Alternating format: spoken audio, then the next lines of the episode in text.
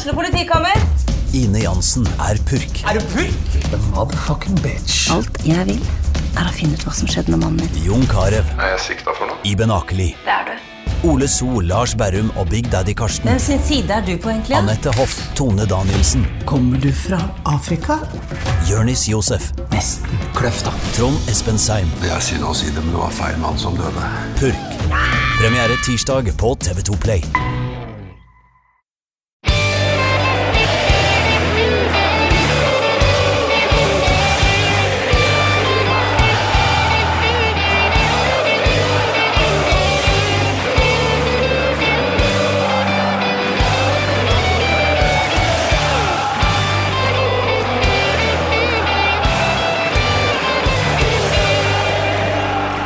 Er det ny dag, og det betyr ny luke av Pyro og Pivos julekalender anno 2020. Du veit, den årgangen hvor eh, gjestene snakker litt om sin jul, som de gjør hvert år, men hvor de også anbefaler et oppgjør som de mener at eh, du og jeg og alle andre bør se i løpet av livet. Og eh, med meg i dag så har jeg en fyr som sitter i Sverige, men som ikke har et svensk navn, nemlig Ekim Chalar. Velkommen! Tack snälla. Du var jo med i en ordinær episode i fjor sommer, blir det vel? Eh, Lenge siden sist. Ja, verkligen. Kul att vara tillbaka. Hvordan eh, har du det? Eller Nasselsen? Ja, I Olmec Chalashires försöker vara bra. Väldigt fint turkiskt uttryck. Och det är väl så det känns mitt i den här pandemin också. Ja. ja, man må jobbe litt for å ha det bra for tiden. Ja, verkligen. Nej, men det är bra faktiskt. Kunde varit värre. Mm. Nå er vi jo eh, et stykke ute i desember, eh, Ekim, og eh, jeg aner ikke, altså jeg vet ingenting om svensk jul. eh, Og du som Mm. eh, er av tyrkisk avstamning også, hvordan Er det noe spesielt med denne tiden av året for din del? Alltså, jag vet inte heller någonting om svensk jul på grund av det du sa. Nej, jag skojar. Men alltså, det har ju alltid varit någon typ av så identitetskris eftersom vi inte har traditionella I mean, jultraditioner. Man har sett hur andra har det, man har sett hur det är på tv. Så att oftast har det faktiskt varit så att jag har ljugit om vilka julklappar jag fått så att folk ska tro att vi har firat jul. eh, så det är lite speciellt på det sättet. Samtidigt som I mean, i vår familj har vi alltid varit ätande människor så vi passar på att äta julmat när det är eh, runt jul. Så hela den traditionen har vi ändå fått med oss. Och sen så det, jag vet inte hur det är i Norge, men brukar ni kolla på Kalle Anka på julafton? Å ja, ja. Ja, men det, den här timmen, liksom, hur det är. ja. Med masse forskjellige figurer og sånn. Exakt Helt, helt sikkert det samme. Ja, ja, men säkert. Eh, den har man ju liksom kollat på. Så att hela de så kulturella referensramarna kring julen, den har man ändå fått med sig. Så att jag tycker det är en fin högtid. Eh, bland maten, ja, men det finns väldigt många favoriter som dyker upp där också. Framförallt så här, rökt och gravad lax och sånt och ägghalvor. Är, Mm. Nu i vuxen ålder julöl. Ganska trevligt. Så här. Kryddig, mellanmörk eller mörk liksom öl tycker jag är trevligt. Och kalanka, ja, det, jag kollar inte på det längre. Jag spelade in det på VHS lite för tidigt och kollade liksom andra dagar på året också. Så det var inget kul längre. Men, ja, men det jag har ganska bra jultraditioner. Ja, det, du har jo faktisk det, da. Um, nå er det jo um, Altså, du er jo med i vår ordinære episode som kommer ut i, um, i morgen, hvis jeg ikke tar helt uh, feil. Og um, i den så, så nevner vi at uh, du er aktuell med en ny bok. Eh, sånn apropos jul, det er jo kanskje en god julklapp for, eh, for våre lyttere. Kan du ikke fortelle litt om den? Jo, alltså det är en bok som handlar om, den heter Fotboll i krig och fred. Eh, ska gå att beställa över nätet också i Norge. Antingen via norska bokhandlare eller svenska bokhandlare. Den handlar om fotboll och samhälle i bred bemärkelse. Där fotbollen har blivit en del av olika typer av samhällsprocesser. Eh, med de ytterlighetsexemplen där fotbollen leder till konflikter. Eh, men där fotbollen också kan vara någon typ av, kanske inte alltid lösning. Alltså jag är ödmjuk i de slutsatser som man drar. Men eh, Mm. att det kan leda till någon typ av fredlig dialog. Så att jag försöker se både de gånger som fotbollen vävs in i ganska negativa samhällsstrukturer och samhällsprocesser och där den faktiskt spelar en positiv roll. Den har gjort det i ja, men, flera delar av världen. Så det är en historisk utblick, utblick mot stora delar av världen om fotboll och samhälle. Høres eh, ut som den perfekte gave for veldig mange av Pyro Pivos lyttere. Eh, hint, hint. Men eh, Ekim, vi, eh, vi har jo snakka både forrige gang du var på Pyro Pivo, og i ukas episode som kommer eh, veldig snart, om eh, tyrkisk fotball, tyrkisk supporterkultur. Du er Besjiktas-fan. Jeg tenker jo at jeg har en viss idé om hvilket oppgjør du har tenkt å anbefale meg og lytterne. Skal vi til Tyrkia? Det ska vi inte. Vi ska till Degerfors. Som eh, jag hoppas att så få som möjligt har hört talas om av Pyro och Pivo-lyssnare. Vi ska till Degerfors i Värmland. I de djupaste skogarna i Värmland i Sverige. Altså, jeg tror Degerfors i de dypeste värmländska skogar är så långt du kommer från Besiktas. Det är verkligen det. I alla fall kulturellt. Ja, men jag tänkte överraska. Jag vet att det blir liksom för förutsägbart. Så det här var det bästa jag kunde komma på som inte var Besiktas.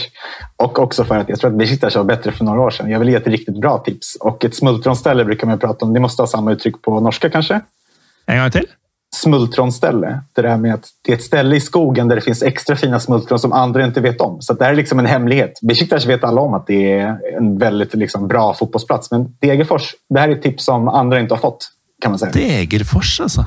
Ja, men det, det är en Va? plats. Varför ska vi till Degerfors?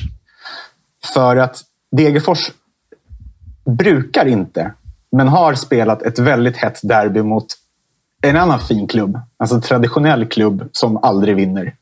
Örebro. Ja. Och det är, det är kanske Sveriges mest minst omtalade derby för att de har legat i olika divisioner väldigt många år. Mm. Så att en match att verkligen se, det är när Degerfors möter Örebro för första gången på 23 år i allsvenskan nästa år. Förhoppningsvis så är det att pandemin har lagt sig eller så får det bli något år senare kanske och förhoppningsvis är båda lagen uppe för att det kommer att vara en stor snackis i Sverige när de här lagen äntligen får mötas i allsvenskan igen. Degerfors Örebro alltså. Ja, um, men det... Va, alltså, Örebro har ju varit uh, en del i allsvenskan i min uh, levetid. Uh, mm. Degerfors inte så mycket. Va, Hva slags rivaleri snakker vi om här? Är det, är det hat, eller? Eh? Alltså, vi måste gå tillbaka till 1993 för att förstå varför det här är en hetare match än vad många tror. Och det är ett derby eh, för att nu ligger eh, Degerfors i Värmland, men de tillhör också Örebro län. Så mm. På så sätt så blir det ett länsderby. och för att förstå liksom bakgrunden, för att komma till 1993 så ligger båda ganska dåligt till i allsvenskan. De spelar en väldigt viktig match. Väldigt mycket folk på läktarna. På Stora Valla som är en väldigt klassisk idrottsarena i Sverige. Och där en väldigt hård tackling från Örebro gör att Degerfors store stjärna Ulf Ottosson, han kallas Mål-Otto såklart, han bryter benet på två olika ställen och det första som händer efteråt är att den inhoppare som får hoppa in istället för Ulf Ottosson i Degerfors kapar en eh, Örebro-spelare som hämnd. Så redan där var det väldigt hett. Och som sagt, det var ju en snackis redan innan. Rivaliteten började inte här. Men den kom redan i, när den här episoden skedde. Med den här tacklingen så hade den liksom redan stegrat eh, väldigt mycket. Och Degerfors leder och det blir nio övertidsminuter. Då kan man räkna ut att, Degerfors, eller att Örebro kommer att göra mål i den sista övertidsminuten så att det blir 1-1. Och det är ett hett derby. Domaren fick poliseskort därifrån. Eh, landshövdingen i Örebro eh, har försökt efter den här matchen när det här spårade ur, när domaren utsattes för hot, så fick faktiskt landshövdingen gå in och försöka medla mellan klubbledarna för att få till någon typ av fungerande relation mellan Degerfors och Örebro. Och sen dess har det här varit en ganska het match. Sen så har de legat i lite olika divisioner. Degerfors har inte varit uppe i allsvenskan sedan 1997. Men det är en, för det första, jag nämnde att det var en liksom ganska speciell plats. Det är också en väldigt liten ort. Det är anledningen till att man varken förknippar Degerfors med så mycket fotboll om man inte är väldigt insatt i svensk fotboll. Eh, men också att man kanske inte har talas om orten. Det är för att men, Stora Valla, den här jättefina arenan, tar 7500 invånare. Det är väl ungefär det som är ortens invånarantal också. Så det är en liten ort. En eh, ort som är ja, verkligen är byggd kring järnverket i stan. Det är en liksom, bruksort brukar man prata om i Sverige. Ja. Där fotbollen är kanske det finaste, stoltaste människorna har kvar i den orten. Ja, for uh, den fabrikken är kanske inte lika uh, eh, viktig idag som den var på si, 60-70-talet? Nej, men precis. Och då behöver man någonting annat att ersätta med. Och av väldigt många sådana orter som inte har någonting att vara lika stolt över som man hade över sitt arbete och sin bruksort så finns ju Degerfors IF som en fotbollsklubb som verkligen färgar den här stan. Så att, nej, men det, är, det är verkligen en match som, eh, och en ort som man borde se fotboll på. Ja, det, jeg, jeg, må jo innrømme at jeg er overraska over, over, valget ditt, eh, Ekim. Eh, bor ikke du i Stockholm? Jo, men jag ja. försöker. Jag har inte sett jättemycket Degerfors, det skulle vara att ljuga. Men eh, eftersom jag själv också är exilare, jag kan vara väldigt transparent med lagsympati. Jag håller på IFK Göteborg, så jag känner mig inte hemma i Stockholm heller fotbollsmässigt. Nej. Men eftersom det här är den finaste underdogen så är det verkligen Degerfors man ska tipsa om. Mm. Men uh, Degerfors Örebro, er det noe um, altså, Om det er rivaleri mellom byene og at det har vært noen hete uh, tak på banen, er det noe tribunekultur uh, å snakke om? Ja, jeg vil, jeg vil, jo tro at stadion blir utsolgt med 7500 dersom man kan ha folk på stadion. Ja, men det kommer det absolut vara i så fall. Och det gäller också Örebro. Och med Örebro, jag förstår att du har talas om dem eftersom de har varit uppe i allsvenskan väldigt mycket. Men de har faktiskt mm. aldrig vunnit någon titel. Och Degerfors har vunnit kuppen en gång. Så det är klubbar som inte har så mycket men, sportsliga framgångar på det sättet, men som ändå har haft ett stabilt läktarstöd. Jag ska inte säga att det här är de klubbar som har de mest spektakulära tifona. Det har de inte. Nej. Men de har mest lojala, lojala supportrar och det är väldigt folkligt också. Mm. Ja, det, det, er jo definitivt et tips eh, utenfor, uh, utenfor allfarvei, som vi sier uh, i Norge. Um, Örebro er vel en relativt stor by efter svensk standard, eller?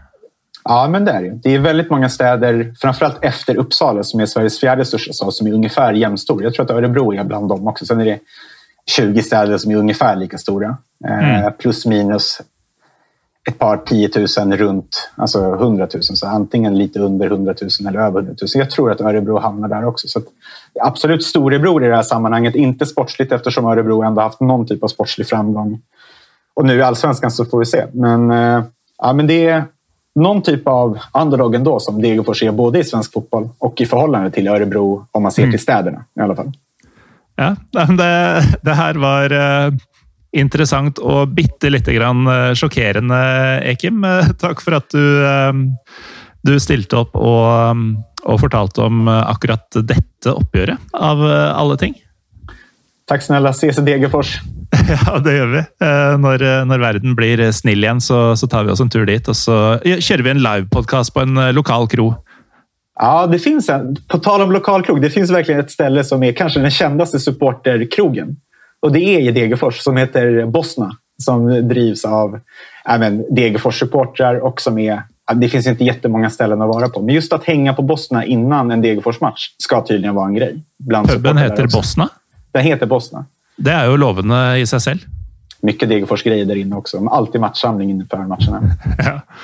Ja, men da, da, da, vet vi det, Ekim. Eh, Tack för att du var med. Og husk, eh, lyttere, at um, boka til Ekim Chalar, 'Fotboll i krig og fred', er å få tak i i norske nettbokhandlere som Adlibris og Tanum, i hvert fall.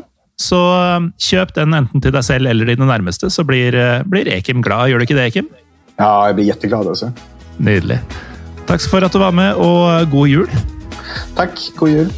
Och till er andra så hörs ju vi allerede imorgon vi. Så jag gidder inte att säga god jul helt ännu.